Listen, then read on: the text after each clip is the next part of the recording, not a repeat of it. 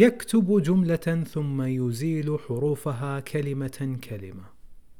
ويجن عليه الليل فلا ينام حتى يصل جهده بالنهار. يشق عليه سعيه للكمال إلا أنه لا يرعوي. إن له نفسا كبيرة تعبت في مرادها الأجسام.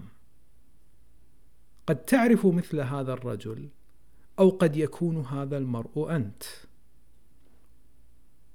إن القاعدة التي تقول ما لا يدرك كله لا يترك جله مفادها أنه إذا تعذر حصول الشيء كاملا وأمكن الشخص فعل بعضه فإنه حري بأن يفعل المقدور عليه.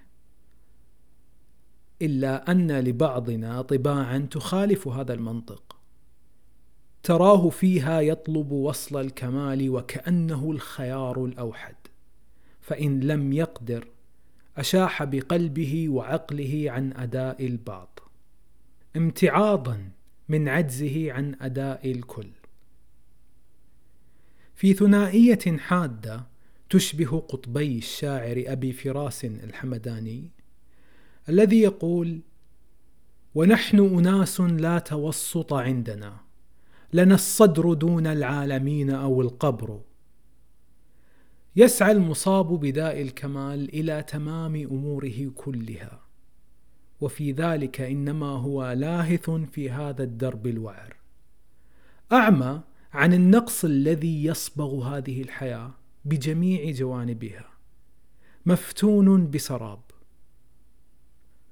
إن السعي إلى الكمال في مجمله قيمة سامية تحث صاحبها على بذل الجهد وإتقان العمل إلا أن في طياته ما يمكن أن يكون عدوا مدمرا للذات والإنتاجية.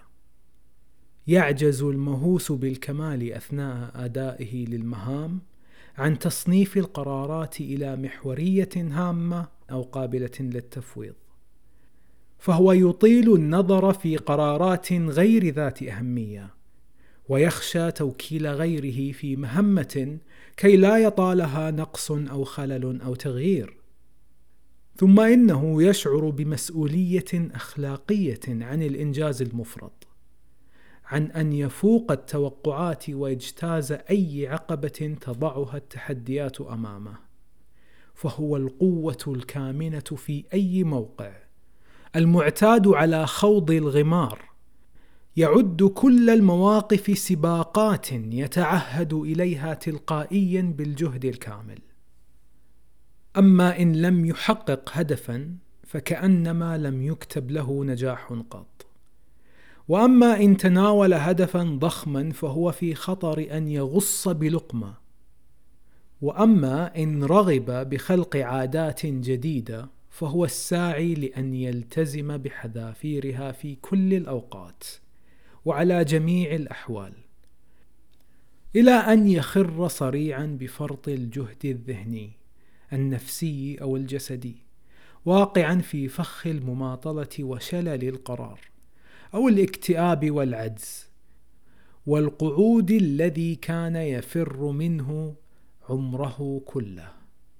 على الساعي للكمال أن يتذكر أن الكمال المطلق خيال محض وأن الدنيا موسومة بتقلباتها وأننا بني الدنيا مجبولون على النقص ولا يجدر بنا أن نخوض حربا مستمرة في مقاومة هذه الطبيعة.